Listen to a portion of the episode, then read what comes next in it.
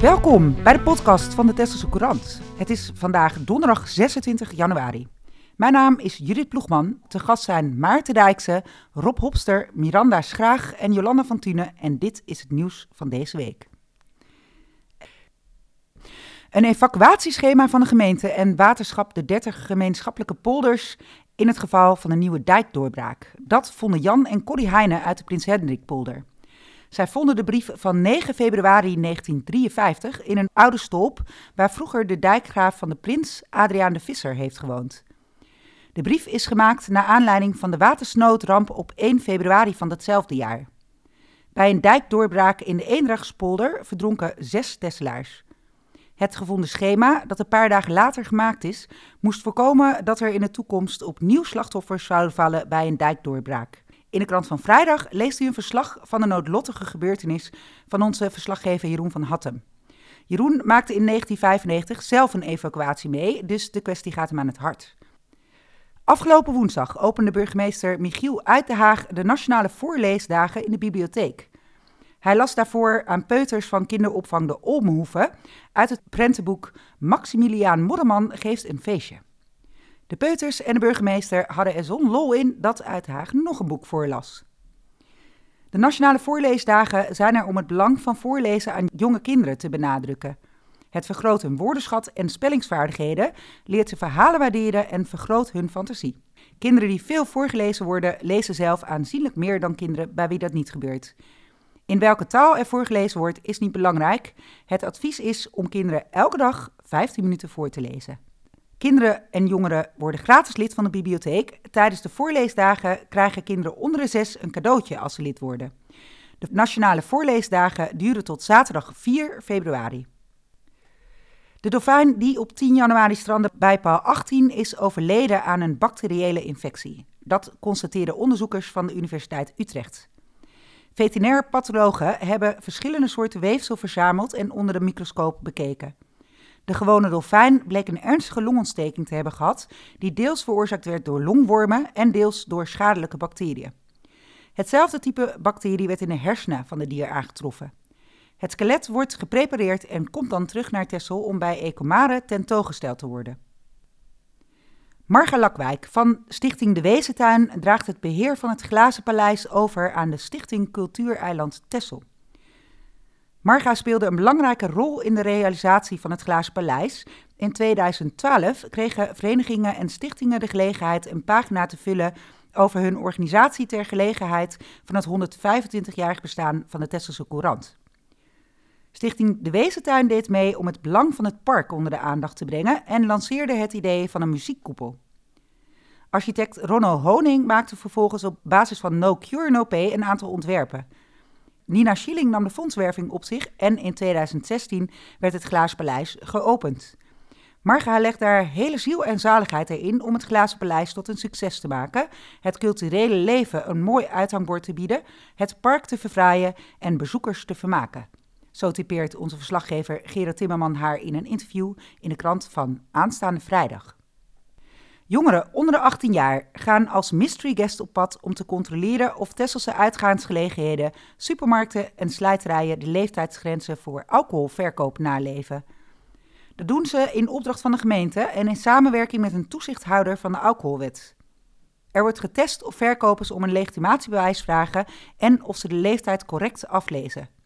Gebeurt dat niet, dan wordt direct met de leidinggevende besproken welke verbeteringen doorgevoerd moeten worden. Zo'n bedrijf krijgt dan een rode kaart. Bedrijven die goed handelen verdienen een complimentenkaart. Het advies van de gemeente is om iedereen die er jonger dan 25 jaar uitziet om een identiteitsbewijs te vragen en om bij de kassa's een stickertje te plakken waarop de minimale geboortedatum staat. De 27-jarige Maarten Dijkse uit Den Burg staat op de derde plaats van de kieslijst van de SP voor de provinciale statenverkiezingen. Maarten is de derde Tesselaar die verkiesbaar is. Ook de 23-jarige Elias Marseille staat op de lijst van GroenLinks, de partij voor wie hij de afgelopen jaren in de Tesselse gemeenteraad zat. Jan Ares Eelman is verkiesbaar voor de VVD. Maarten is vandaag te gast in de podcast. Welkom Maarten. Ja, dankjewel. Wie ben je en wat maakt dat je voor de provinciale staatverkiezingen aan de slag wil? Nou ja, ik ben Maarten Dijkse, zoon van Liewe Dijkse. Nee, van uh, Adriaan en Sietske. Zoals al in de Tesselse krant heeft gestaan. Ja, waarom ik uh, voor de Provinciale Staten in de slag wil. Ik heb heel erg het idee dat de mensen om me heen, die geloven niet meer in de politiek. En ik zelf ben daar ook eentje van. Uh, sociale voorzieningen die keihard afgebroken worden onder de noemer dat het allemaal beter wordt als het maar in de marktwerking gestoken wordt.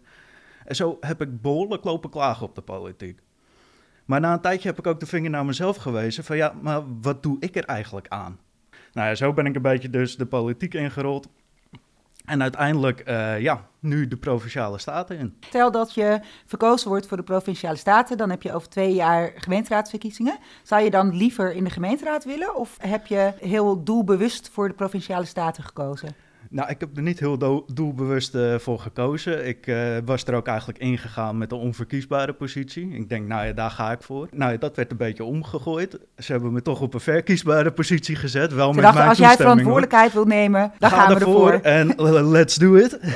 maar ja, ik weet het niet. Ik denk dat een partijgenoot ook heel goed in de gemeenteraad kan zijn. Want met hoe meer mensen de politiek uh, behandeld wordt, hoe beter de politiek wordt. Je hebt je voor de SP aangemeld. Ja. Nu uh, waren er al wat linkse partijen hè, op Tessel. Daar kon jij je ei niet kwijt, begrijp ik. Nee, nee, toch niet helemaal. Uh, als je kijkt naar GroenLinks, een windmolen op het eiland. Ja, Texel is wel echt een vogeleiland. Hou dat even goed in, in gedachten.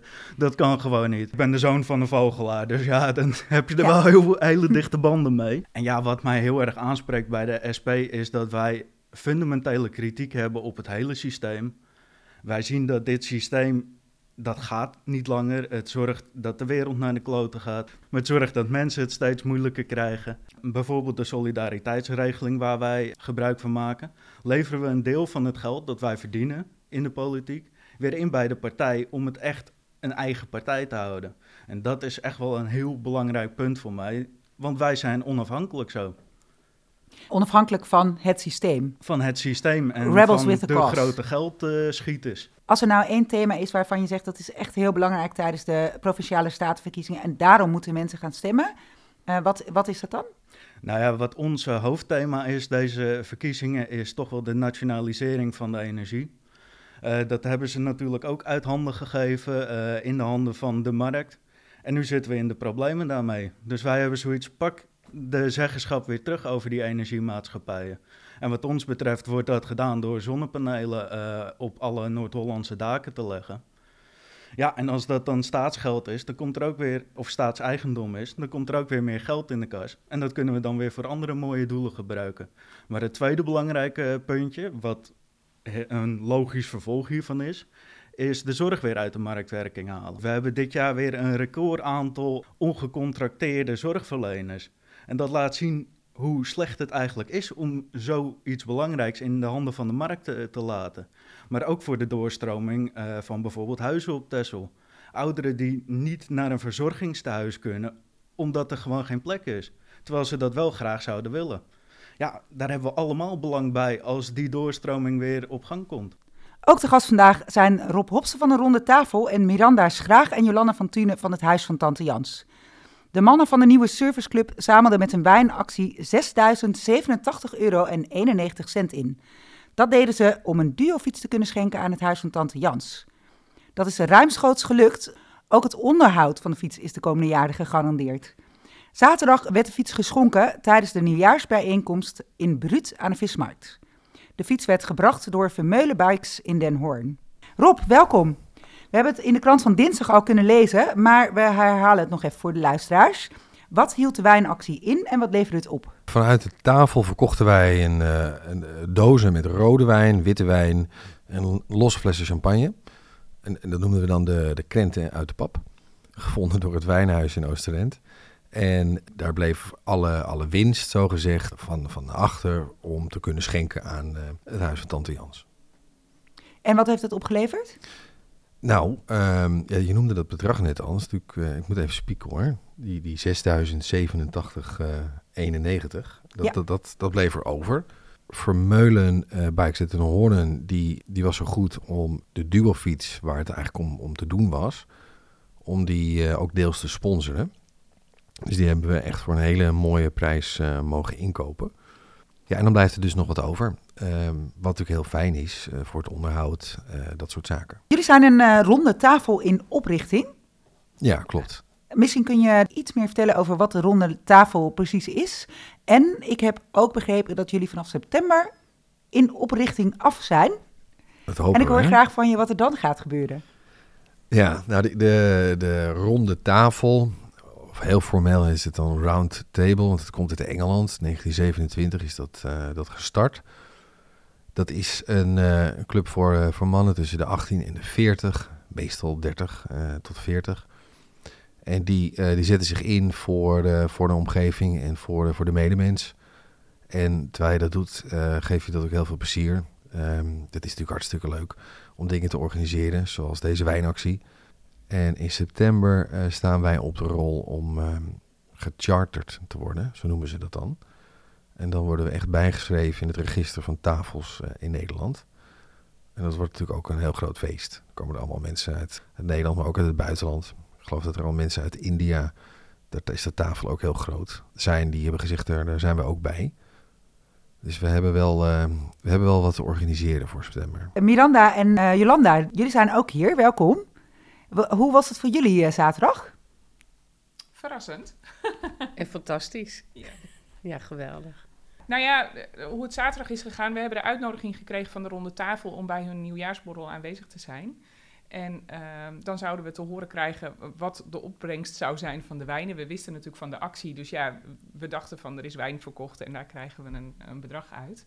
Ehm, onze wens was daarbij een duofiets. En ehm, ja, dat die er zaterdag al was, dat was voor ons echt volledig verrassend. Want dat hadden we nooit kunnen denken. Wij hebben vijf maanden geleden aangegeven dat we de wens ooit hebben tot een duofiets. En nu hebben we hem al gekregen. Hij stond er zaterdag al. Hij kwam keurig uit het karretje rollen. Het was ook echt heel gaaf om, eh, om dat te zien, weet je. En dan voel je meteen ook die enorme blijdschap, weet je. Eh, de wij hebben nog aardige me- mensen die nog aardig kunnen fietsen, maar eigenlijk alleen niet meer. En dan is het toch nou, super gaaf om zo'n duofiets nu te hebben. En eh, je kan op pad, je kan weer de wereld in. Nu was ik zaterdagavond aanwezig eh, bij het moment dat jullie de fiets kregen. En ik hoorde daar het verhaal van Tante Jans. Nu woon ik op de Tune, dus ik, ik ken het bestaan van Tante Jans. Maar ik wist niet dat er zo'n bijzonder verhaal achter zat. Jolanda en ik zijn oud-collega's van elkaar. En eh, wij kwamen elkaar tegen en eh, ja, wilden eigenlijk iets voor Tessel betekenen, zeg maar. Dus eh, het, het zou anders moeten kunnen, dachten we.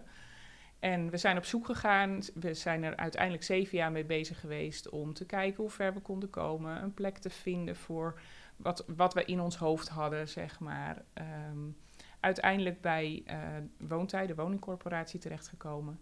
En daar zijn we eigenlijk aan de hand meegenomen zodat we een pits mochten doen. En eh, met andere bedrijven, daarin werden we beoordeeld of het een haalbaar plan zou zijn. En eh, de eis binnen de Tune was dat we konden samenwerken met een andere groep mensen. In dit Ja. geval eh, zijn wij samen met Novalis Hoeven uitgekozen om 10 woningen te beheren. We hebben samen met Novalis Hoeven 20 woningen in de Tune. En nu vertelde jij, eh, Jolanda, mij over eh, hoe dit zo tot stand gekomen is. Jij hebt een prijs gewonnen.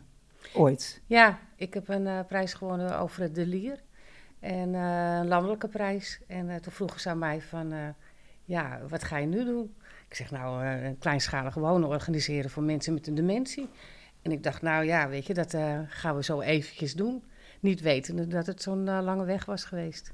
Ja. Maar je hebt doorgezet. Dus zeven jaar vertelde jij al. Ja. En, en zo kwam het er. Eh, Wat heb je daarvoor moeten doen? Nou, heel wat.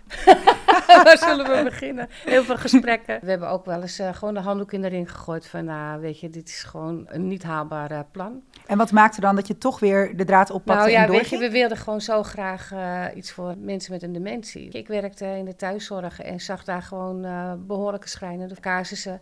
wa- Wat je gewoon aangreep, weet je. En wij wilden eigenlijk ook heel graag dat echtparen bij ons kwamen wonen. We zaten gisteren nog aan iemand te vertellen van, eh, weet je, dat mensen dan 60 jaar getrouwd waren en eh, de dementerende partij naar de overkant moest omdat hier geen plek was. Ja, want dat is belangrijk om even te eh, vermelden. Inderdaad, bij jullie wonen echtparen eh, bij elkaar. Dat, Dat kan. kan. Ja, dat kan inderdaad. Ja. Het is mogelijk om samen te komen. En dat is elders niet zo. Dat is het unieke aan project ook. Wij hebben geen openingstijden en we hebben geen bezoektijden. Dus je kan bij ons gewoon 24 uur bij degene zijn bij wie je het liefste bent. Nou, weet je, bij ons is het uh, heel mooi gegaan eigenlijk.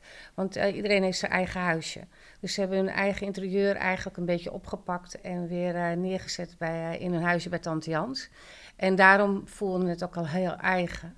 En bij ons is de tuin is afgezet en we hebben een fantastisch mooi uitzicht. Ja, van de week hoorden we nog uh, van uh, een bewoner uh, dat hij nog nooit zo gelukkig was geweest als bij ons. Nou, nou dat zijn bijzondere toch, dingen om te zijn horen. echt fantastisch. Ja, daar heb je dan al die jaren voor doorgezet. Ja. ja, ik vond het een bijzonder verhaal en ik vind het ook een prachtig voorbeeld van dromen waarmaken. Ja. Van doorzetten, van de juiste mensen vinden om je dromen overeind te hijsen.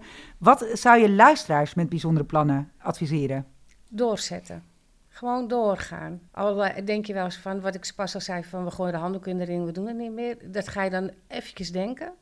En dan denk je, nee, oh, ik heb een droom, dus die ga ik echt uh, nastreven. En dan gaat het echt lukken. Ja, wij hebben een droom. Het raakt me altijd een beetje.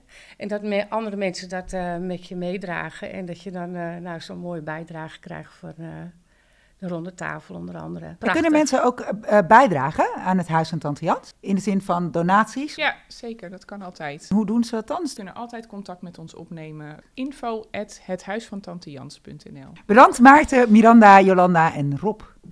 Graag gedaan. Graag gedaan. Volgende week hoort u, zoals al aangekondigd, onze verslaggever Jeroen van Hattem vertellen over de watersnoodramp van 1953 en zijn eigen ervaringen met een evacuatie in 1995. Ook hoort u dan Marge Lakwijk over het Glazen Paleis, dat er mede dankzij haar inspanningen kwam en een succes werd, ook een soort droom. Tot zover, tot volgende week. U hoort dan mijn collega Michelle.